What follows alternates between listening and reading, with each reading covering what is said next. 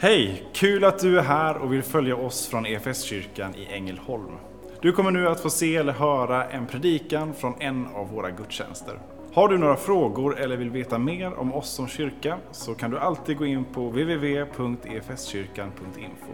Vill du ha tillgång till mer undervisning eller ta del av våra inspelade konferenser eller gudstjänster gå gärna in på vår Play-kanal, efskyrkan.tv. Nu ska vi lyssna på denna veckas predikan. Vill ni be tillsammans med mig igen? Vi ber om Guds ande.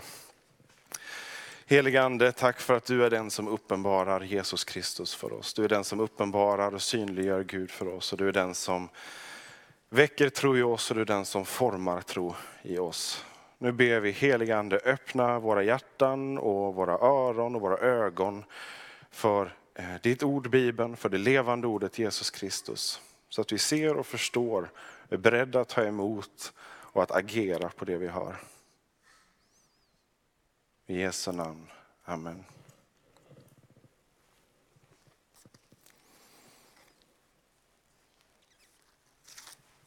Jag läser ifrån Apostlagärningarna kapitel 2, vers 1 och framåt. När pingstdagen kom var de alla församlade. Då hördes plötsligt från himlen ett dån som av en stormvind och det fyllde hela huset där de satt. De såg hur tungor som av eld fördelade sig och stannade på var och en av dem. Alla fylldes av helig ande och började tala andra tungomål med de ord som anden ingav dem. I Jerusalem bodde fromma judar från alla länder under himlen. När dånet göd samlades hela skaran och förvirringen blev stor när var och en hörde just sitt språk talas. Utom sig av förvåning sa de, men är de inte galileer allesammans, dessa som talar? Hur kan då var och en av oss höra sitt eget modersmål talas? Vi är parter, meder, elamiter, vi kommer från Mesopotamien, Judeen och Kappadokien, från Pontos och Asien, från Frygien och Pamfylien, från Egypten och trakten kring Kyrene i Libyen. Vi har kommit hit från Rom. Både judar och proselyter, vi är kretensare och araber. Ändå hör vi dem tala på vårt eget språk om Guds stora gärningar. I sin häpnad visste ingen vad han skulle tro och de frågade varandra, vad betyder detta? Men andra gjorde sig lustiga och sa, de har druckit sig fulla på halvjäst vin. Så lyder det heliga evangeliet. Lovad vare du Kristus. Pingstdagen är en fantastisk högtid. Som jag nämnde i början av gudstjänsten, det är kyrkans födelsedag. Kyrkan har funnits redan innan, varit i vardande i moderlivet. I Guds plan och Guds tanke, Jesusrörelsen har tagit sin början. Men här blir liksom den stora förlossningen. Kyrkan föds, blir döpt i helig ande. Och det tar fart som bara den.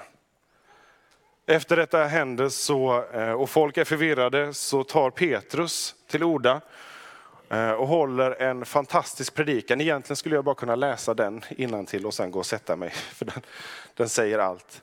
Eh, och som ett, ett led, som ett resultat av den predikan så är det över 3000 personer i Jerusalem den här dagen som bestämmer sig för att det här måste jag ha, jag vill också bli döpt. Och så blir pingst också en enorm dopdag. Och när Petrus predikar så citerar han Gamla testamentet för att förklara vad det är som händer. De som hade samlats här, varför var det så mycket folk som kom till tro? Jo, det var för att det var så otroligt mycket folk på plats. De var troligtvis i templet. Eh, det står att de var samlade allihopa i templet för att fira den judiska pingsten, Shavuot. Och då händer någonting som, som är väldigt likt det som hände det tillfället som man firar den här pingsten. Man firar i templet att Gud har besökt sitt folk ett par tusen år tidigare i Sinai i eld och en dånande vind så är det som att Gud stiger ner vid berget i Sinai och talar sin vilja, sitt ord, sin lag på ett sådant sätt så att folket svarar med en röst att det här vill vi följa och leva efter. Och sen firar man det här år efter år i samband med den skördehögtid som pingsten är. Och så när detta nu firas så gör Gud det igen. Och när Gud gör saker igen så gör han det ännu mer och ännu bättre och ännu större och ännu generösare. Och så stiger Gud ner som tungor av eld och dånet av en vind. Och så kommer Guds vilja, inte som ett utanpåliggande krav, en lista. Följ detta eller dö. Utan istället så kommer Guds ande och tar sin boning i de människor som vill ha med honom att göra. Och skapar där en vilja att leva tillsammans med Gud. En vilja att övervinna min egen ondska, min egen ovilja, min egen otro. Jag vill ju ha med Gud att göra nu. Det är vad den heliga ande gör i oss. Skriver lagen i våra hjärtan. Och så blir inte Guds vilja någonting kravfyllt utan någonting som sporrar mig och skapar i mig en vilja till ett heligt liv. Och det är möjligt. Därför att jag behöver inte längre vara rädd för någon dom, någon fördömelse. Jag behöver inte längre lägga vikt vid vad andra människor säger om mig. Jag behöver inte längre vara bunden av min historia, av de fruktansvärda saker jag kanske har gjort. Därför att det finns förlåtelse genom Jesus Kristus. Hans offer på korset. Och Guds gillande av det som bevisas i uppståndelsen i himmelsfärden gör det möjligt för en människa att få förlåtelse, att få en ny start och få en ny vilja. Petrus citerar profeten Joel som talar om den dagen när detta ska hända. Om hur unga män, gamla män ska se syner och drömmar. Eh, Tjänarinnor och eh, unga kvinnor ska ha drömmar. Man ska tala om det som ligger på Guds hjärta. Och så får nu Jerusalems invånare och pilgrimerna som har samlats till högtiden få se det här hända.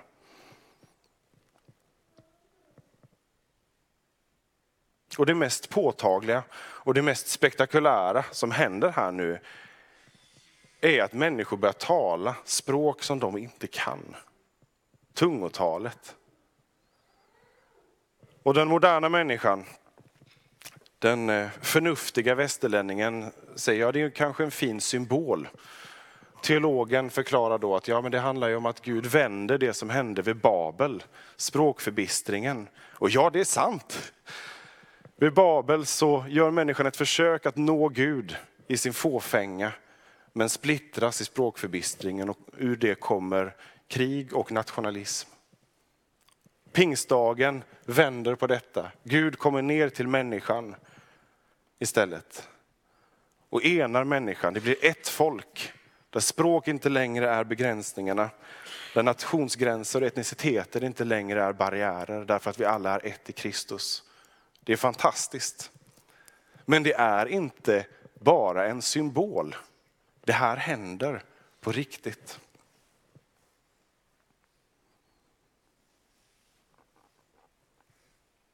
Paulus, som eh, var en av de människorna som lite senare blev gripen av det här budskapet om Jesus som förlåter. Han började i andra änden, han hatade Jesus och han hatade de kristna, han förföljde dem till döds.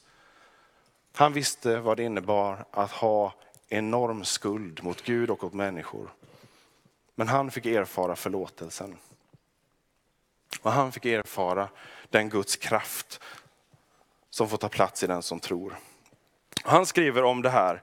Eh, han har erfarit att det inte bara är en symbol för vad som händer eh, på pingstdagen i förhållande till den gamla historien om Babel, utan han skriver så här.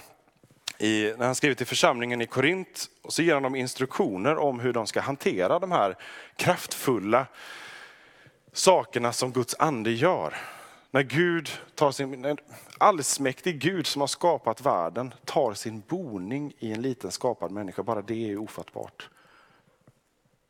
Är det, det vore ju konstigt om det inte hände saker som går utöver människans förstånd. Då.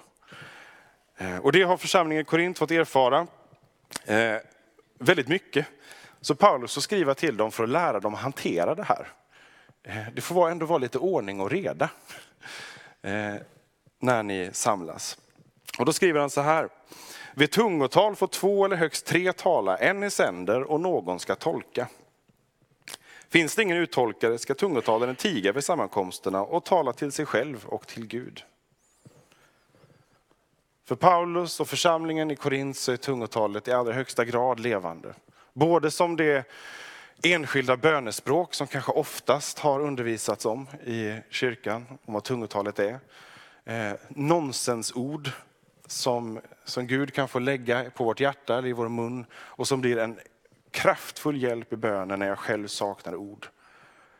Men det verkar också vara levande det här att, eh, att människor också frimodigt, inte bara i sin egen stilla bön, utan ber ut det här nonsensspråket. Och att det finns människor som kan uttolka det, antingen genom att någon förstår eh, det här nonsensspråket eller änglars språk som Paulus kallar det, har en uttolkning, eller för att det faktiskt finns någon där som förstår det här språket. Ja, men det kan väl ändå inte riktigt hända? Eller? Jo, det, jo eller så hände det då, för att kyrkan behövde ju liksom en, en skjuts i starten för att nå ut över, eh, över världen. Men händer det verkligen nu? Mycket mer händer än vad vi förstår och anar. Eh, förra veckan predikade jag om eh, vårt hopp och att vi är ganska låsta och begränsade i vårt synsätt. Eh, och någon anledning nu så tar jag upp då den sämsta liknelsen jag har använt eh, igen. Men det är som att vi, har bott i, vi bor i en ICA-kasse. Och allt vi känner är innanmätet av den här kassen. Vi skymtar ljuset utanför, men vi vågar oss inte utanför den här påsen. Tills någon kommer och drar bort den. Och så förstår man, oj världen är så mycket större än vad jag hittills har tänkt. Västerländsk eh, ateistisk materialism är en anomali, anomali och en parentes i världshistorien. Har nått vägs ände.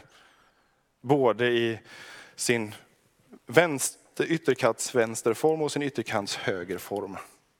Både marxismen och kapitalismen har misslyckats med att skapa fred och rättvisa för alla.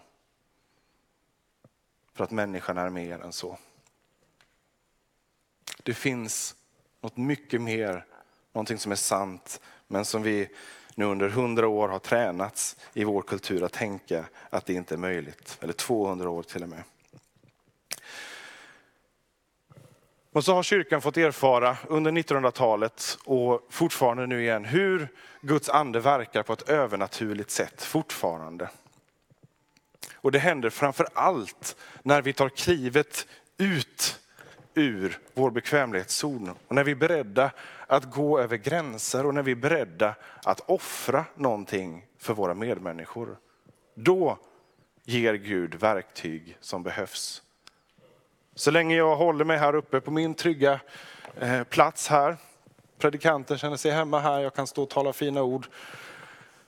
Men när jag går ut, när jag utsätter mig för risken att bli förlöjligad eller förföljd, då kommer Gud med de verktyg som behövs. Också om det är så att bli förstådd på en plats där jag inte annars kan bli förstådd. Det sker inte alltid.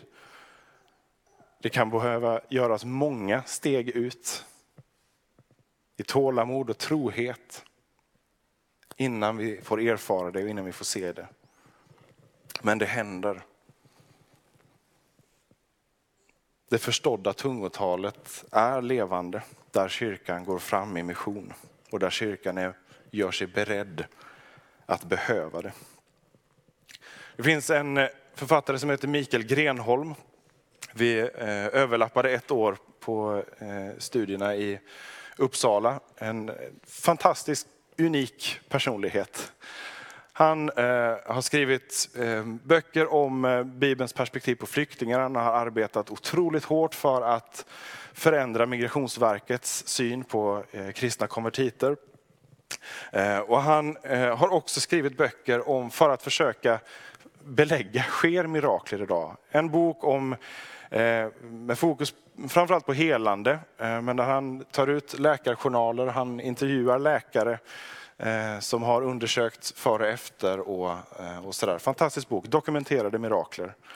Eh, han har skrivit en ny bok som heter Dokumenterade språkmirakler, där han går igenom 80 stycken berättelser från modern tid om hur människor har talat språk som de själva inte behärskar. Några av dem finns det inspelningar från och finns på hans hemsida, dokumenterademirakler.se. Och I andra fall så har han intervjuat andra människor som har varit med, som har gett samstämmiga vittnesmål. Och så där. Inte bara en naiv vittnesbördsbok som tycker det är härligt med berättelser som sporrar, utan han har verkligen undersökt det här. Eh, vi eh, bara ta några korta exempel på eh, eh, det här. Rickard Lundgren som jag själv har träffat, som har varit och predikat på Eh, påskkonferenserna som vår systerkyrka i Halmstad har eh, anordnat, bland annat. Han, eh, när han var 17 år åkte han ut på mission i Albanien, som då var ett stängt kommunistiskt land. Och hade gått runt där några dagar och kände sig otroligt begränsad av att det här är en helt ny kultur, ett språk han inte kan. Det var inte så att folk kunde engelska i någon större utsträckning, beroende av tolk och så vidare. Eh, och sen när han ligger där en kväll efter några dagar så eh, börjar han prata nytt tungotal. Och det låter det andra ord än vad han har talat innan. Eh, och när han sen börjar prata med folk på stan så förstår de. Och när de pratar med honom så förstår han. Och han har albanska nedladdat i huvudet, som han säger. Och det har fastnat där. Det finns en, eh, en härlig videohälsning på Mikaels hemsida där han eh, eh, pratar albanska. Och då kan ju någon invända, ja, jo, men det går väl att lära sig och hitta på det här.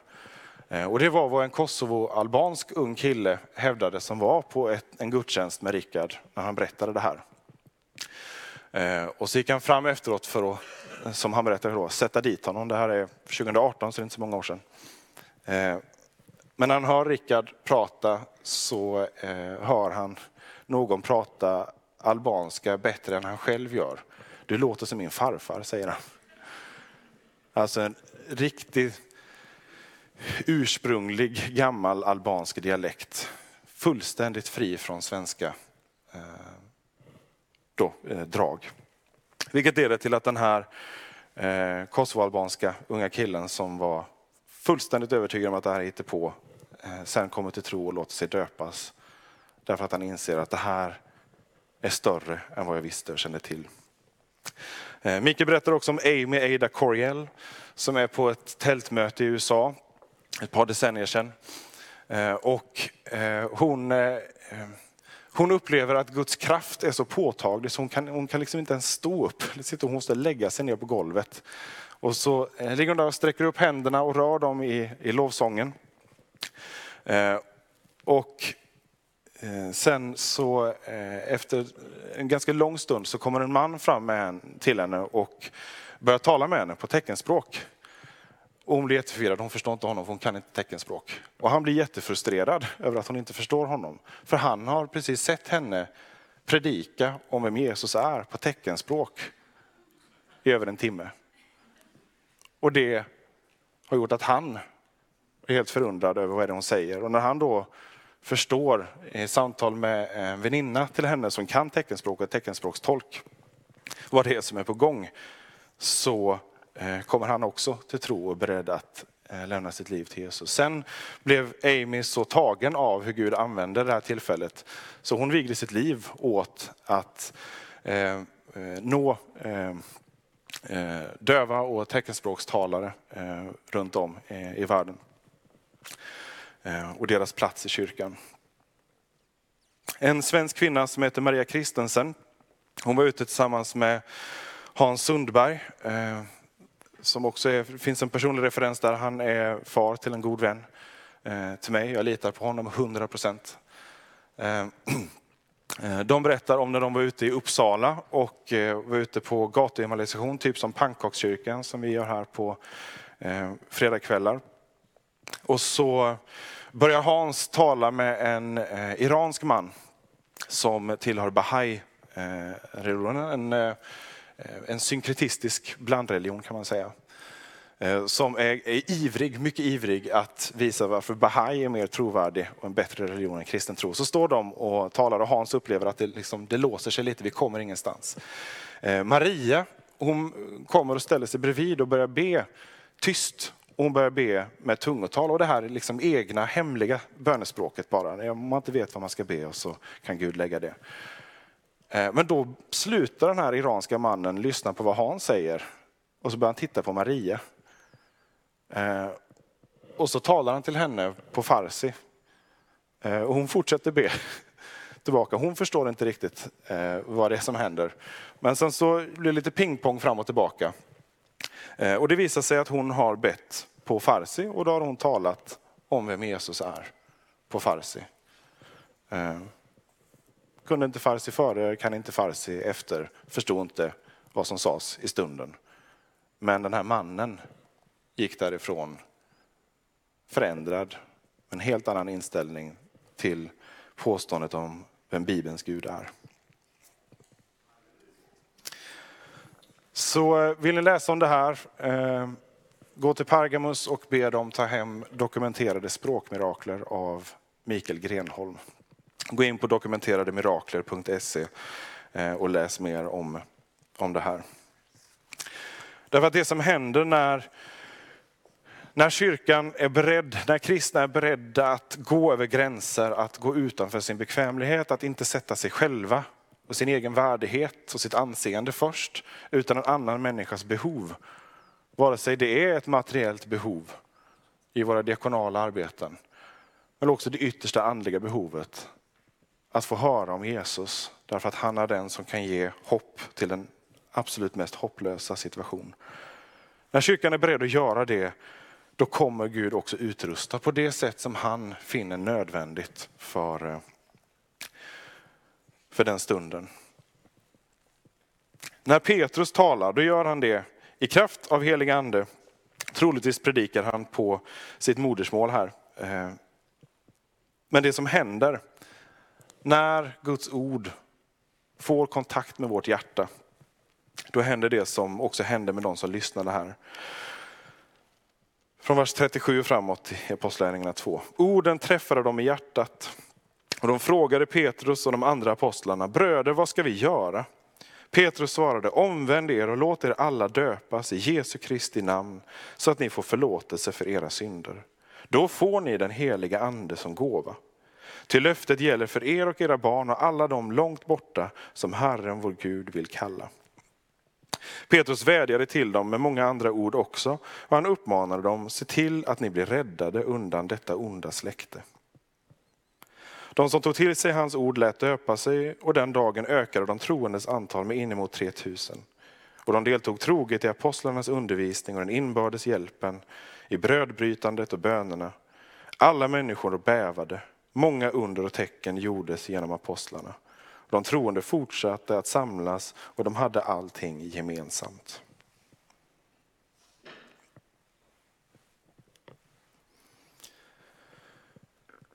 Guds gåvor är inte bara vår personlighet och våra talanger och våra kompetenser. Det kan Gud använda och han kan helga, han kan använda det på ett sätt som blir oerhört mycket större än vad vi kan drömma om. Men det är också detta gudomliggörande, detta heliga liv. Som kan få överbevisa mig och mitt hjärta om att Gud är på riktigt och att han ser mitt innersta. Gud använder gåvor och använder sin övernaturliga kraft för att hjälpa människor att förstå vem han är. Det är det som är syftet. Kyrkan har inte fått gåvorna för att det ska vara något spektakulärt eller mystiskt eller eh, sektigt. Det är inte eh, en rolig krydda till andaktslivet. Det är verktyg för att den här världen som lider ska få reda på var hoppet finns. Gåvorna är till, inte för mig själv. Om jag söker dem för min egen skull, för min egen bekräftelse eller för min egen uppmuntran. Absolut, Gud kan vara god. Han kan höra den bönen och han kan visa sin generositet. Men regeln genom kyrkohistorien verkar snarare vara att Gud ger dem verktygen när vi hamnar i situationer, när vi är villiga att försätta oss i situationer där det verkligen behövs. Gud, nu klarar jag inte detta själv. Nu måste du. Nu måste du. Där kyrkan är beredd att göra en uppoffring. Av anseende, bekvämlighet, av våra ekonomiska förutsättningar, också av vårt eget liv. Därför är pingstens färg, den röda, eh, tecknet på Guds andes kraft och elden. Men det är också färgen för martyriet. För den lidande kyrkan, för de som har gett sitt liv för tron. Som är beredda att offra allt för andra. Och Paulus skriver i samma kapitel i eh, Korintierbrevet om gåvornas syfte på det här sättet. Om jag ber med, mitt, om jag ber med nu ska vi se. här. Men om jag inte vet vad ljuden betyder blir jag en främling för den som talar och han en främling för mig. På samma sätt med er, när ni nu söker vinna andekrafter, försök då att få dem i överflöd till församlingens uppbyggelse. Därför ska den som talar med tungor be om förmågan att tolka sitt tal. Till om jag ber med tungor är det min ande som ber, medan mitt förnuft är overksamt. Det är för andras skull. Som Gud ger oss verktygen. Det är för andras skull som Gud är beredd att ge oss ande i överflöd. För att Jesus ska bli förklarad. För att människors behov ska bli synliggjorda. John Wimber som upptäckte det här eh, på 70-talet eh, för att han läste, de predikades igenom Lukas evangeliet. Och så noterar han att det är väldigt ofta som Jesus botar sjuka. Varför ser vi inte det så mycket i kyrkan? Men då måste vi be för det. Och så börjar, han, börjar de be. Och de har bönemöte efter bönemöte, gudstjänst efter gudstjänst. Och de bjuder in till förbön, för, eh, speciellt för sjuka. Och det händer ingenting. Men John är envis, han säger att så här står det. Om vi tror på det här, då fortsätter vi göra det. Och till slut så börjar det hända. Det är som att församlingen behövde få sitt mindset ändrat. Var beredd att gå i tro på de löften och de förebilder som Gud har gett. Eh, om jag minns rätt så berättar John att han bad för ungefär tusen personer om helande innan han såg någon bli helad. Men John Wimber är känd för att ha rest världen runt och fått be med otroligt många människor till helande. Bekräftade helanden. Han undervisade på ett fantastiskt sätt om Guds gåvor. Han säger vi använder våra andliga gåvor för att bygga upp församlingen och inte för att lyfta fram oss själva. Gåvorna är verktyg. Det är inte leksaker, inte underhållning. Och han är en fantastisk förebild i uthålligheten och envisheten om att stå på Guds löften. Man kan tycka, varför ger inte Gud det här direkt då? När vi ber om det. Varför händer det inte direkt? Så ber jag en, två, kanske fem, kanske 830 gånger. Och sen tänker jag, nej, det är ingen idé. Men så händer någonting den 831 gången. Då jag ändå trotsigt fortsätter be. Jesus talar om bön på det här otroligt provocerande sättet. Om uppgiften för den kristna att tjata på Gud och lita på att han är en god Gud. Därför behöver vi de här vittnesbörden, därför behöver vi varandra. För att påminna om löftena, för att be för varandra när vi själva inte orkar det. För att tillsammans hålla fast vid de löftena. Och be Gud att han också hos oss tar bort det som ligger i vägen för honom att använda oss. Vår synd, vår rädsla, min egen kärlek, min snålhet. Vad det än kan vara. Och att Gud istället får ersätta det med sin andes tro på att han är god, att han förser och ger oss mod att gå. Den Gud som har skapat världen, som har skapat människan, som har skapat tungan och kommunikationen, för honom är det en småsak egentligen att överbrygga de här gränserna. Av någon märklig anledning väljer han att använda oss i det. Och det är så kyrkan har växt genom århundradena. Människor som är beredda att lägga ner allt inför Gud, till synes då förlora allt, bara för att upptäcka att de vinner något ännu större. Och de vinner så många syskon, en så mycket större familj. Så låt oss be, låt oss be att han på nytt visar den nåden mot oss, att han på nytt visar den nåden mot sin kyrka, mot oss här mot Sveriges kyrka, mot västerlandets kyrka. Vi är så upptagna av den västerländska ICA-kassen som skymmer blicken för hur stor Gud är. Som gör oss så inkrökta i oss själva. Han vill lyfta vår blick och se vilken rikedom det innebär att ge allt för honom och vara beredd att möta alla människor i det djupaste mörker, i den djupaste sorg.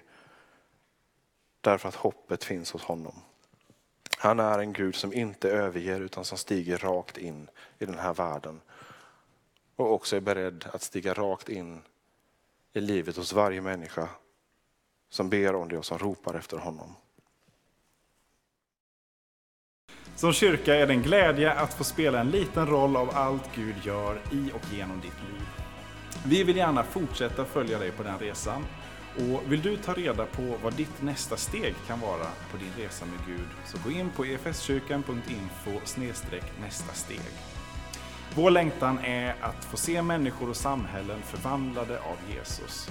Genom en kyrka som återspeglar Guds hjärta, bär varandra och betjänar människor varhelst vi befinner oss varje dag.